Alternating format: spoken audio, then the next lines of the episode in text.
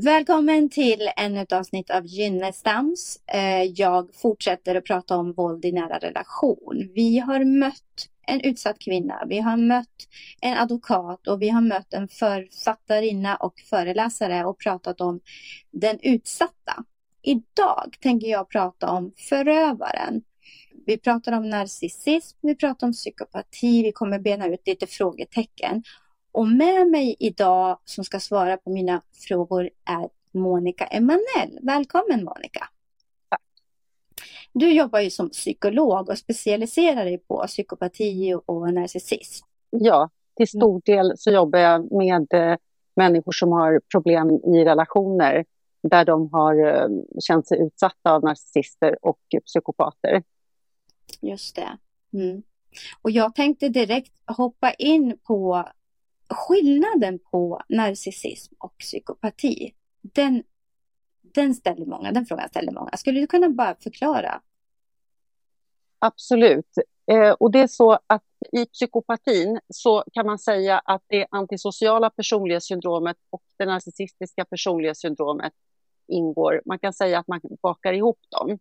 Och eh, mm. det som finns i det antisociala personlighetssyndromet, mycket som inte finns i det narcissistiska, är att eh, man ofta ägnar sig åt någon typ av kriminalitet eh, när man är liten och även i vuxen ålder. Och det kan vara olika typer av kriminalitet. Mm. Och sen så har man eh, problem med impulskontroll. Det kan narcissisten också ha. Men, eh, men psykopaten går ofta längre i sina eh, i, sina, i sin vilja att hämnas, kan man säga. Så att eh, människor som anmäler till socialtjänster eller anmäler sina män för incest, fast det inte stämmer, där kan man ju misstänka en sån faktor. Okej. Okay. Mm. Jag tänker på när vi pratar om våld i nära relation så pratar vi om eh, förhållanden nu då, då. Och då tänker jag fråga, finns det är det liksom speciellt en narcissist eller en psykopat som blir förövare i våld i nära relation? Förstår du min fråga? Ja, eh, det kan faktiskt vara både och. Därför att eh, psykopaten går ett steg längre oftare och blir är mer eh, beräknande eh, än vad narcissisten är. Narcissisten är ofta omedveten och eh, utgår från att vilja bli bekräftad. Psykopaten mm eh, tar det ofta ett steg längre och vill på ett beräknande sätt hämnas eller få en att lida eller må dåligt. Kan man se om en människa är narcissist eller psykopat? Ja, det finns ju vissa tecken som, som till exempel om vi tar narcissist, så är det ju vanligt att de är väldigt bekräftande i början om man träffar en narcissist och man tycker att man har träffat en fantastisk människa. Och att man sen mm. efter ett tag märker att den här personen börjar bli kritisk och kontrollerande och vill ha det på sitt sätt. Och eh, mm. att man gradvis så trycks ens egna behov bort mer och mer därför att man brukar anpassa sig efter narcissistens behov för att det ska vara trevlig stämning, för att inte helgen ska bli förstörd eller kvällen bli förstörd, så anpassar man sig så att man till slut ibland kan uppleva att man försvinner som person. Liksom. Ens behov försvinner så att man till slut knappt vet vad man har för behov. Just. När det gäller psykopater så kan det vara oerhört svårt att, eh, att eh, scanna av dem. Och eh, jag brukar säga att man aldrig ska underskatta psykopaten. Så man ska aldrig tänka att man kan så mycket så att man inte behöver tänka sig för. Så att de är oerhört skickliga på att hitta Eh, punkter hos en själv eh, som de kan använda sig av. Antingen genom att erbjuda tjänster och hjälp eller genom att bekräfta och få en att känna sig sedd och bekräftad. Så att man, man blir lite hög av den här bekräftelsen och eh, eh Eh, kan tappa förmågan att, eh, att se detaljer som faktiskt eh, visar att det här kanske är en person som inte är helt okej. Okay. Kanske lögner och kanske opolitlighet, man, man, misstänker, man märker saker som kanske inte är okej, men man är så upptagen av den här förälskelsen att man väljer att trycka bort det här, de här misstankarna. Mm. Vi pratade ju om i, i tidigare avsnitt just om den utsatta, att man, man tror ofta att det kanske är en någon svag, om jag pratar om kvinnor nu då som blir utsatta, en svag kvinna som kanske redan är långt ner eller utsatt på något annat sätt. Men att det kan vara vem som helst och det kan även vara en stark kvinna.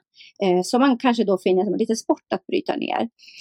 Är det samma sak med förövaren, narcissist eller psykopat, att det kan vara vem som helst? Eller finns det specifikt vem som blir eller är Nej, om, man, eh. om vi tar det här med hur psykopaten funkar, så eh, det är enklare för dem att välja någon som, som är uppenbart skör eh, eller mm. har det jobbigt. Men det kan absolut vara en stark person som kanske just då är i en jobbig situation i livet eller som faktiskt kanske berättar för psykopaten om eh, något som är jobbigt eller eh, visar vad man tänker och känner. Det ska man generellt vara försiktig med när det gäller psykopater.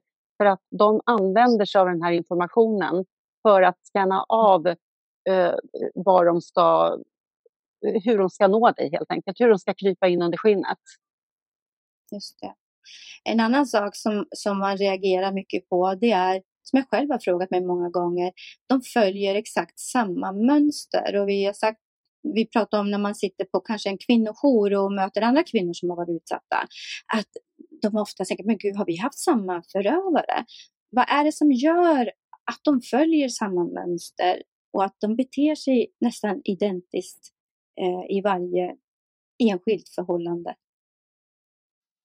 Ja, alltså om vi tittar till narcissisten så är det ofta omedvetet att de blir intresserade av någon som de blir bekräftade av och eh, som blir väldigt eh, förtjust, kanske imponerad av dem så att de får vara i centrum. Mm.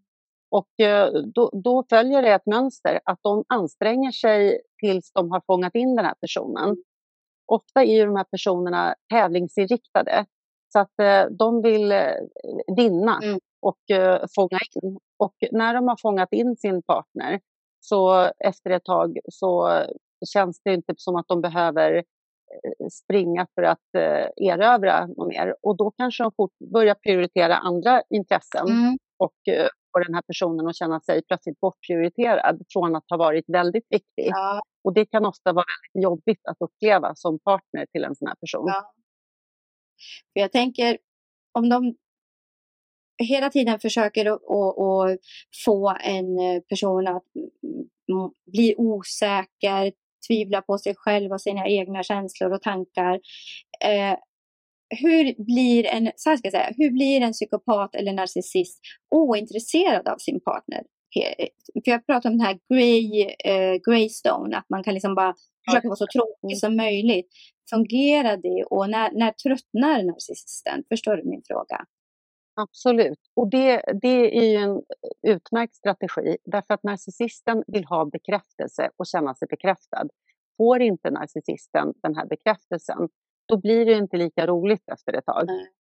Så det är en bra strategi. Mm. Men det kan också vara påfrestande om man är i en relation med en sån här person. För man blir ju frestad ofta att, eh, att ge igen eller säga till eller påtala något som man ser. Mm. Eh, och då får man försöka stå emot det, därför att då förvandlas ofta diskussionen eller konflikten till en pajkastning som inte ger någonting. Mm.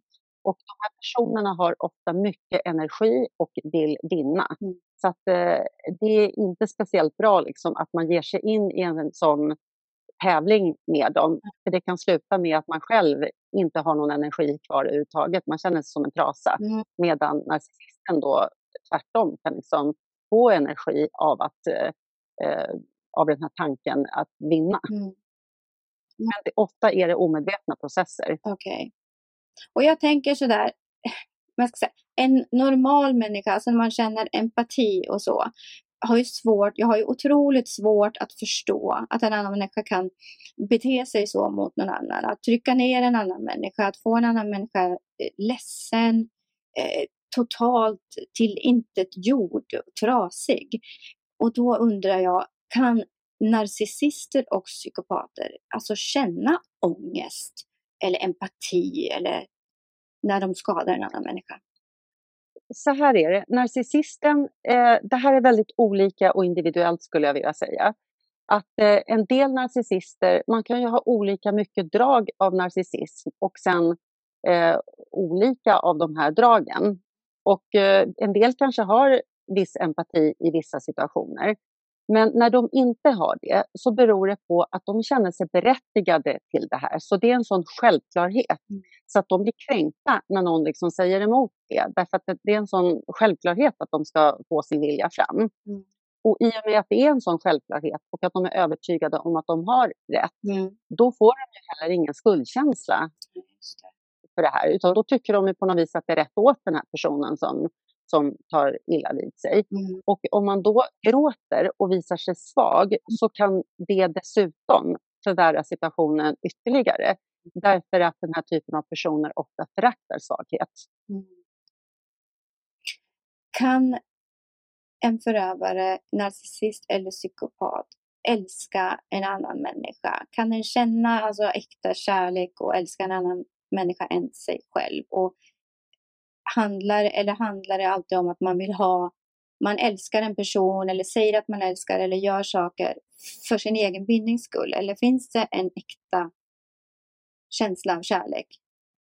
Mm. Det där tycker jag också är individuellt när det gäller narcissister, om vi tar dem. Mm. Att en del narcissister gör allt för sin egen skull, mm. medan det faktiskt finns andra som, som har vissa områden där de kan eh, känna sig engagerad i en annan person, verkligen vilja göra den personen glad för den personens skull. Så det är inte svart eller vitt. Nej. Med psykopater är det mer, mer tydligt att eh, de gör ofta saker för sin egen skull enbart. Mm. Och med dem är det också så där att det finns ytterligare några komponenter, att de till exempel ofta saknar förmågan till att känna rädsla.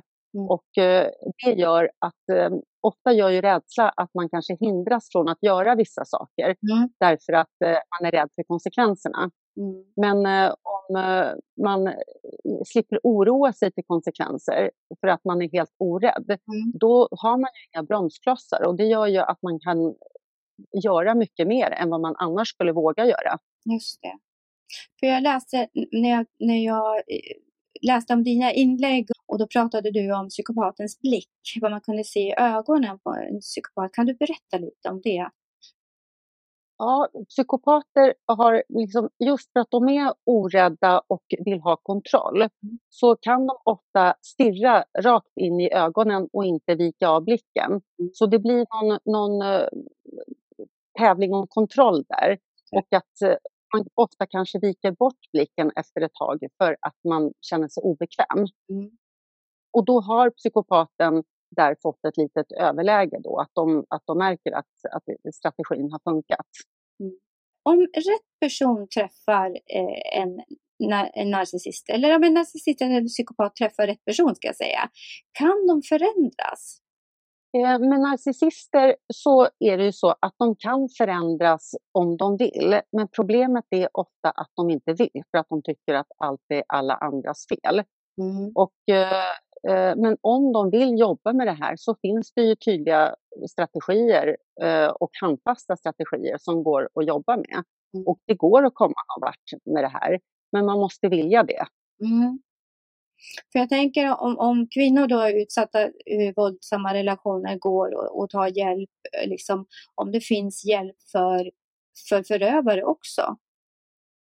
Ja, de kan gå i terapi för att jobba med de narcissistiska dragen. Mm. Och då får man ta fram eh, tydliga beteenden som de har när till exempel de kör över någon och eh, vi säger att deras partner säger att okej, okay, nu mår jag dåligt för att du gjorde det här. Mm. Då, då, är ju det en tydlig situation där de får stanna upp och så får de tänka så här att okej, okay, jag kanske inte håller med dig, men nu ska jag jobba med mig själv. Så det innebär att jag ska gå halva vägen här.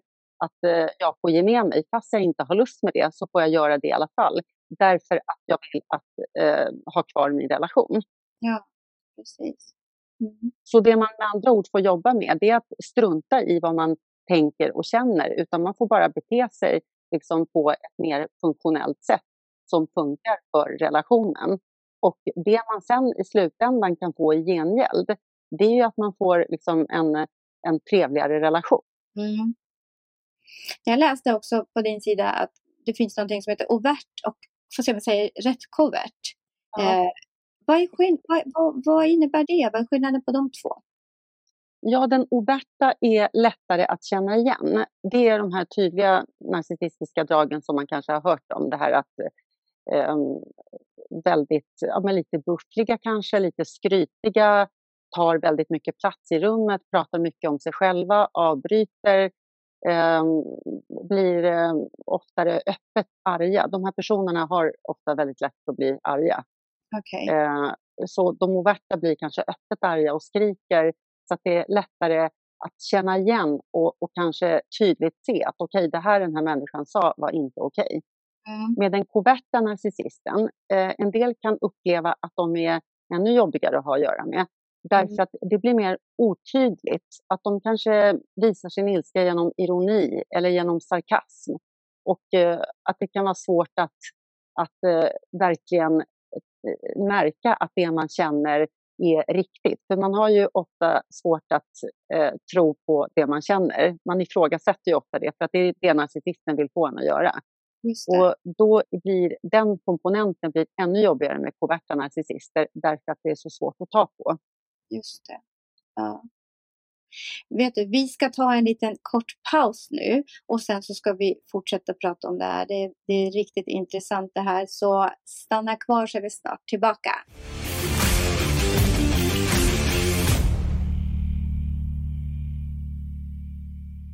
Välkommen tillbaka. Vi pratar idag med Monica Emanuel som är psykolog och är specialiserad på narcissism och psykopati. Vi pratar alltså om förövaren idag eh, i våld i nära relation.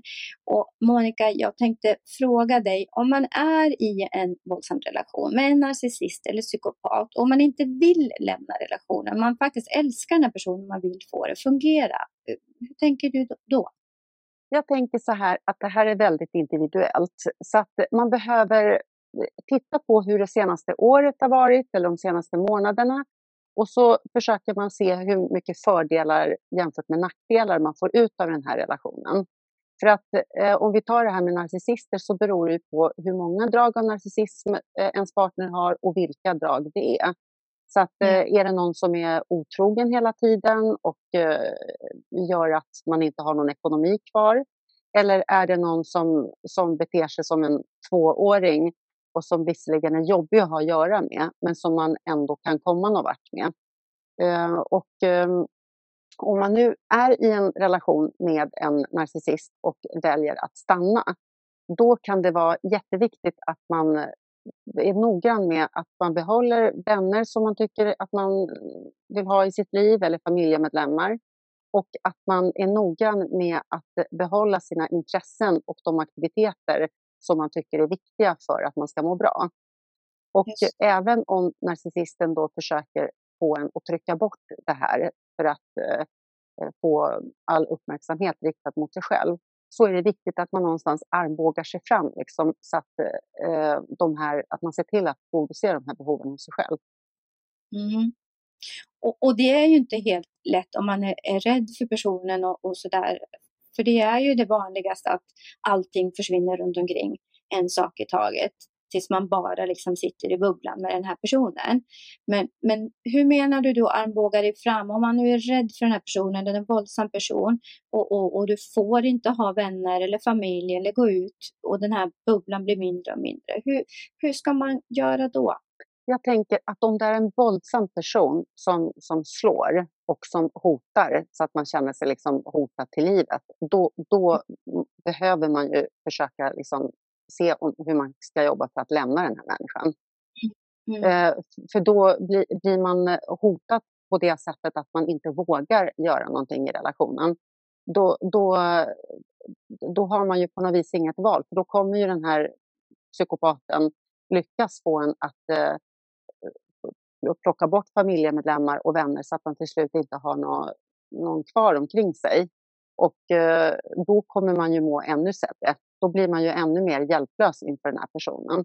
Så att, eh, är det på det planet att man känner sig rädd så att man inte vågar eh, ta hand om sig själv eller man vågar inte göra någonting för att inte ens partner ska bli så arg så att man blir hotad. då, då behöver man se om man kan börja ja, man kan börja dra i lite trådar för att eh, i alla fall titta på alternativet om, det skulle, om man skulle kunna göra upp en plan för att lämna den här personen. Mm. Och om man då krigar på, och man älskar den här personen, man vill få det att funka. Vi pratade tidigare om att det går att eh, en narcissist kan förändras och det kan bli bättre om han vill eller om hon vill.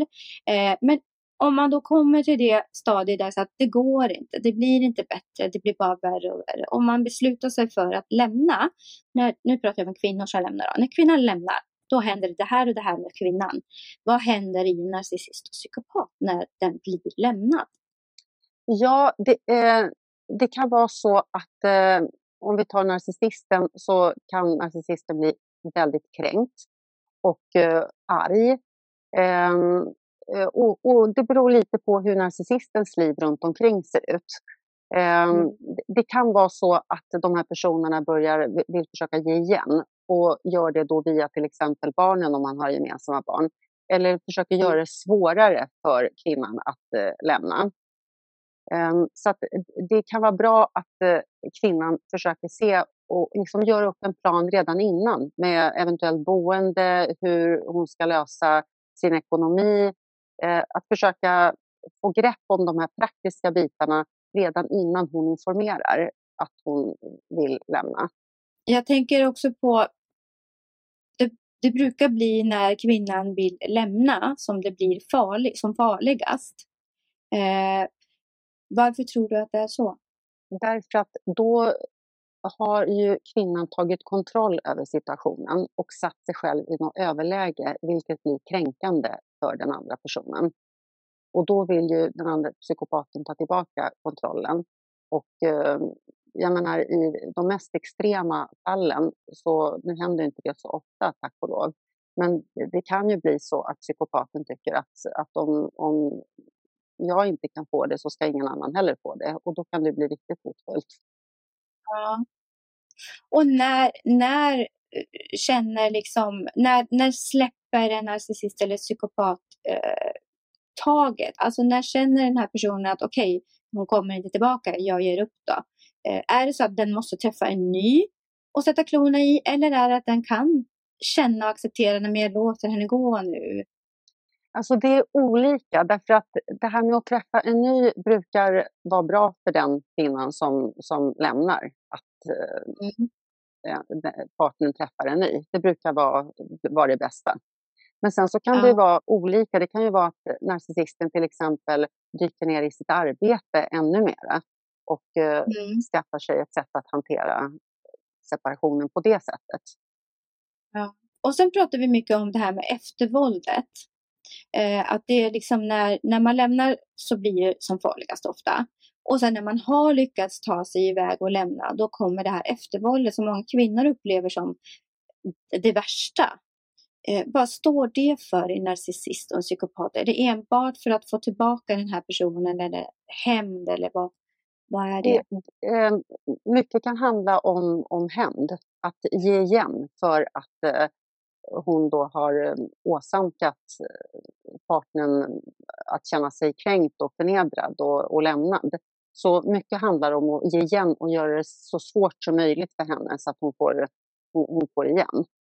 Mm. Och många förövare nöjer sig ju inte heller med att få nu är det väldigt svårt att få kontaktförbud och besöksförbud i Sverige. Men, men även om man får det så är det många som, som överträder det gång på gång på gång. Och de liksom räds inte för det eller för att åka fast. Eller liksom, eh, eh, det blir så viktigt för dem att få tillbaka eller att hämnas att man struntar i det. Ja, och där kommer vi in på någonting. Om vi pratar om psykopater så har de ofta en eh, svårt att känna rädsla, många av mm. dem. Och känner man inte den här rädslan för konsekvensen att åka fast och sen kanske hamna i fängelse, då, då finns det inga bromsar där, utan då gör man det man har lust med i stunden. Jag tänkte på ett begrepp som jag eh, såg och det var breadcrumbing. Vad är mm. breadcrumbing? Ja, det är att man ger smulor till eh, till någon. Så man hör av sig lite då och då. Eh, tillräckligt ofta för att den här personen inte ska släppa taget. Och eh, det, gör, det, alltså det är väldigt svårt att lämna en sån här person. Mm. Och eh, får man smulor då och då slängda till sig av bekräftelse eller någon förhoppning om att det här kanske kan bli bra i slutändan, mm. Eh, då, då har det en kvarhållande effekt. Så det blir extremt svårt att, att lämna. Och man tror att det kanske kan bli bättre. Mm. För de, man pratar ju ofta om att det blir som ett, ett, ett, gift eller en drog, ett beroende. Att man måste ha den här eh, kvinnan nu då som lämnar, jag måste ha min fix. Liksom. Eh, man har lärt sig att jag kan inte leva utan den här personen. Eh, och jag tänker då om man pratar om förövaren, eh, handlar det då om, vi pratar om att det är hämnd ofta, men kan det också finnas att men jag älskar ju faktiskt henne, jag vill att hon kommer tillbaka. Eh, kan det vara åt det hållet också? Eller är det bara att okej, okay, nu är hon tillbaka, nu fortsätter jag vara elak? Um, alltså, uh, det vanliga när narcissister säger att de vill jobba med sin narcissism är att de jobbar med det ett tag och sen så om allt blir lugnt så mm. återgår de sakta till eh, den person de var tidigare. När man börjar tävla och uh, försöker uh, bli bra på något eller bäst på något som de vill bli, då när man mm. har åstadkommit det man vill bli bäst på eller när man har fått tillbaka den här personen, då eh, behöver man ju inte, liksom, då, då försvinner den här viljan till det, utan då kan man mer sätta sig ner i en solstol igen. Mm. Och de här personerna har en tendens att bli uttråkade lätt. Eh, och, och, och, när man är inspetsad på att vinna tillbaka någon, då är man ju inte uttråkad. Men när man sen har den här personen, då, då finns det inget att tävla kring någon mer och då, då kan man bli rastlös och uttråkad. Min nästa fråga är om, om man tänker då på en person som är narcissist eller psykopat, eh, om man pratar om hur den personen mår psykiskt. Eh, vi pratade tidigare om att den kan få hjälp med terapi och så.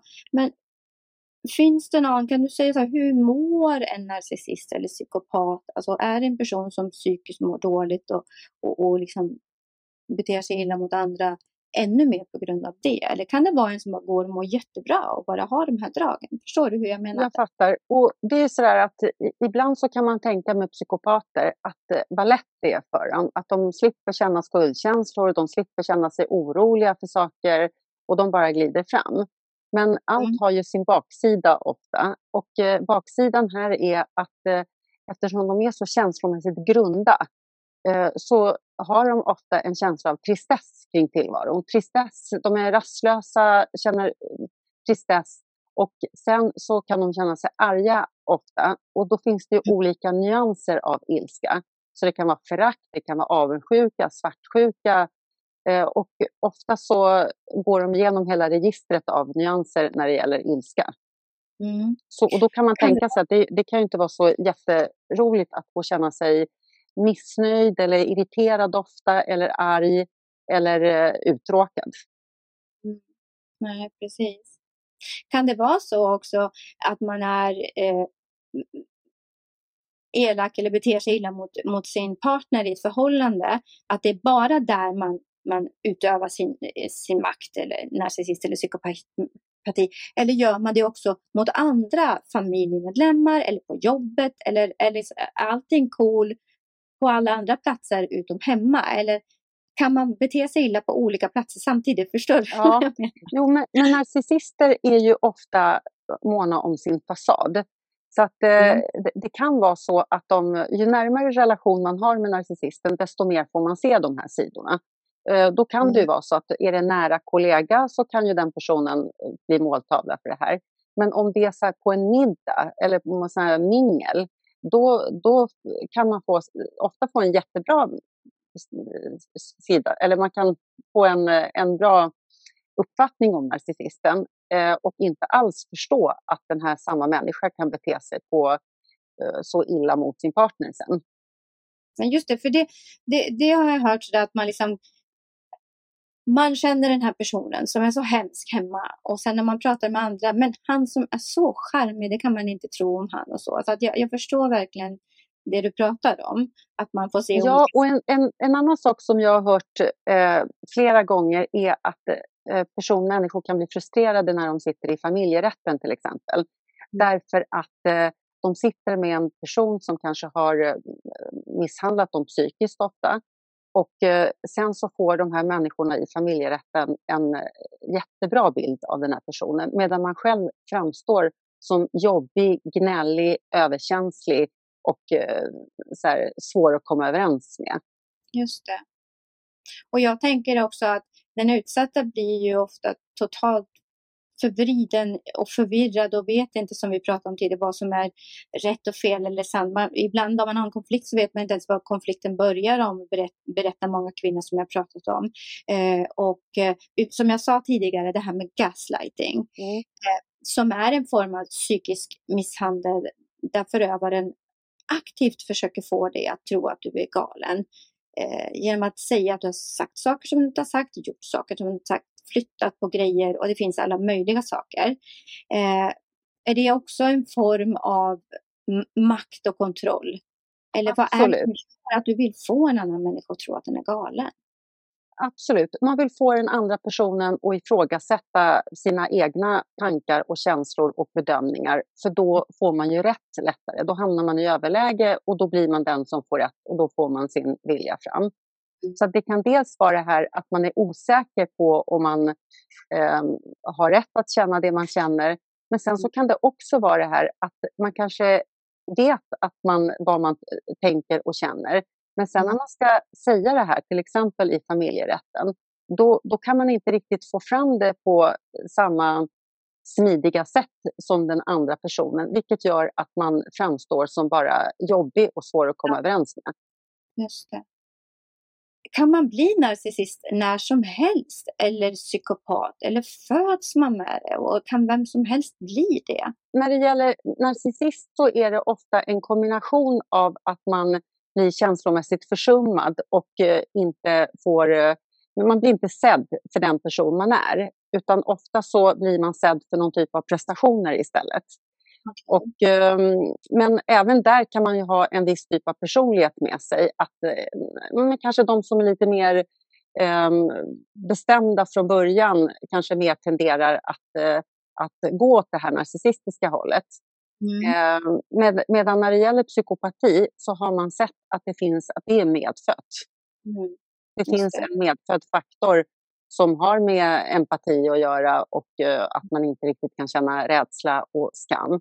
Och mm. uh, det är, ingenting man kan lära sig. Så hittills har uh, de olika typerna av behandlingar, de har mest gått ut på att man försöker ändra beteendet. Så man försöker se vad som motiverar psykopaten.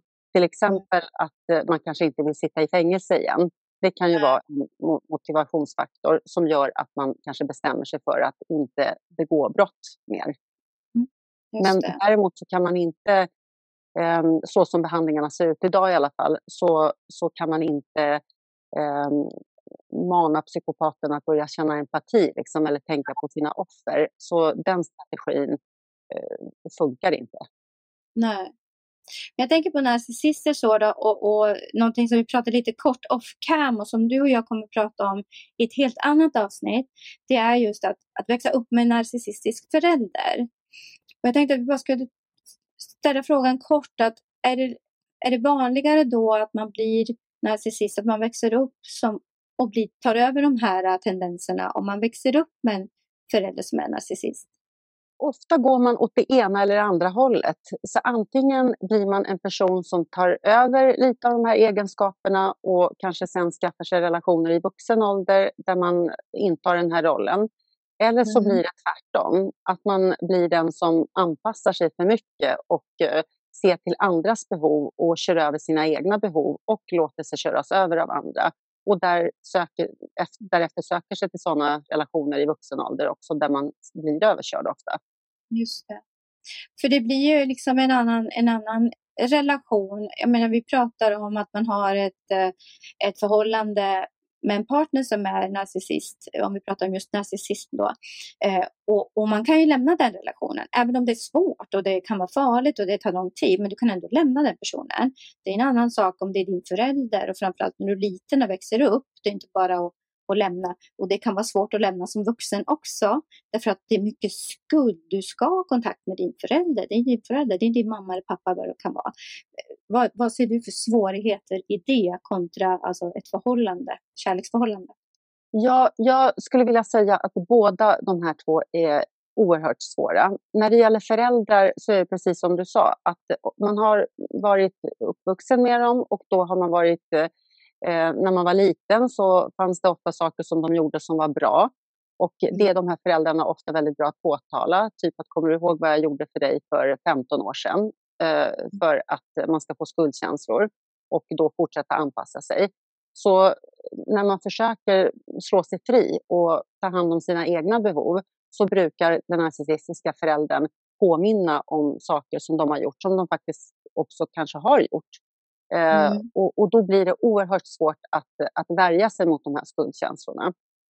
Så det är svårt att lämna en sån här förälder. Det finns de som säger upp kontakten, men eh, de flesta gör inte det därför att det, det, är så svårt. Utan de flesta försöker hitta någon form där de kan ha kontakt men under kontrollerade former. Just det. Jättebra. Vi kommer att spela in ett till avsnitt där vi pratar om just det här med att växa upp med narcissistiska föräldrar. Så vi kommer ta, för det, det är så stort så det får vi ta ett helt, ett helt nytt avsnitt av. Absolut. Vi ska alldeles strax avsluta men jag tänkte fråga dig Monica, om du skulle få säga någonting till eh, en person som är i en våldsam relation med en narcissist eller psykopat, vad skulle du vilja ge för råd hur man, hur man ska kunna hantera det?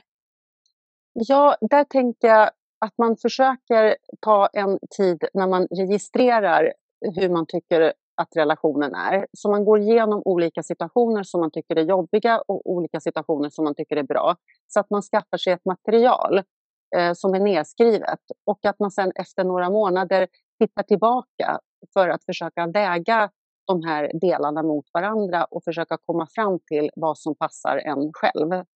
Och mm. eh, kommer man fram till att relationen mycket styrs av att man styrs av rädsla i relationen och att man faktiskt är rädd för antingen att bli slagen av den här människan eller att man inte vågar eh, ta några egna beslut av rädsla för konsekvenser. Då, då mm. ska man kanske prata med andra också och, och, för att försöka ventilera och sätta ord på det man känner och höra vad andra säger också som man har förtroende för. Just det.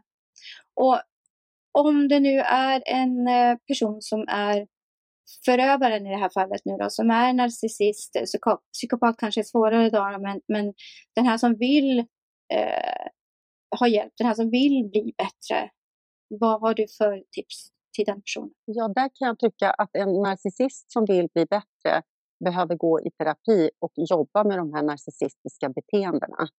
Och eh, inte, under terapin inte gå på att man kanske känner för att eh, eh, sätta sig över någon eller ha sista ordet eller vinna, utan att man mer går på de beteenden som man bestämmer i terapin att man ska följa.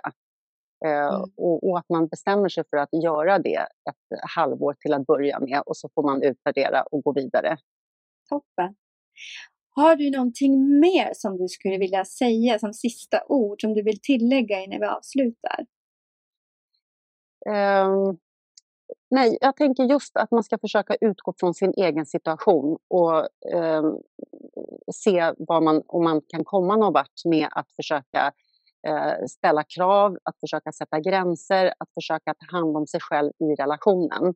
Och går inte det, uh, då, då tar man nästa steg. Just det. Jättebra. Monica, tack så jättemycket för att du ville vara med i dagens avsnitt. Tack. Det har varit jätteintressant och eh, vi kommer att få se mer av dig framöver här. Så tack så jättemycket. Och till alla er som har tittat och lyssnat, tack för att ni är med oss. Eh, kommentera jättegärna i avsnittet. Eh, skriv till oss vad ni vill se, höra mer. Följ oss på Instagram och Facebook och ha det så bra. Tack och hej!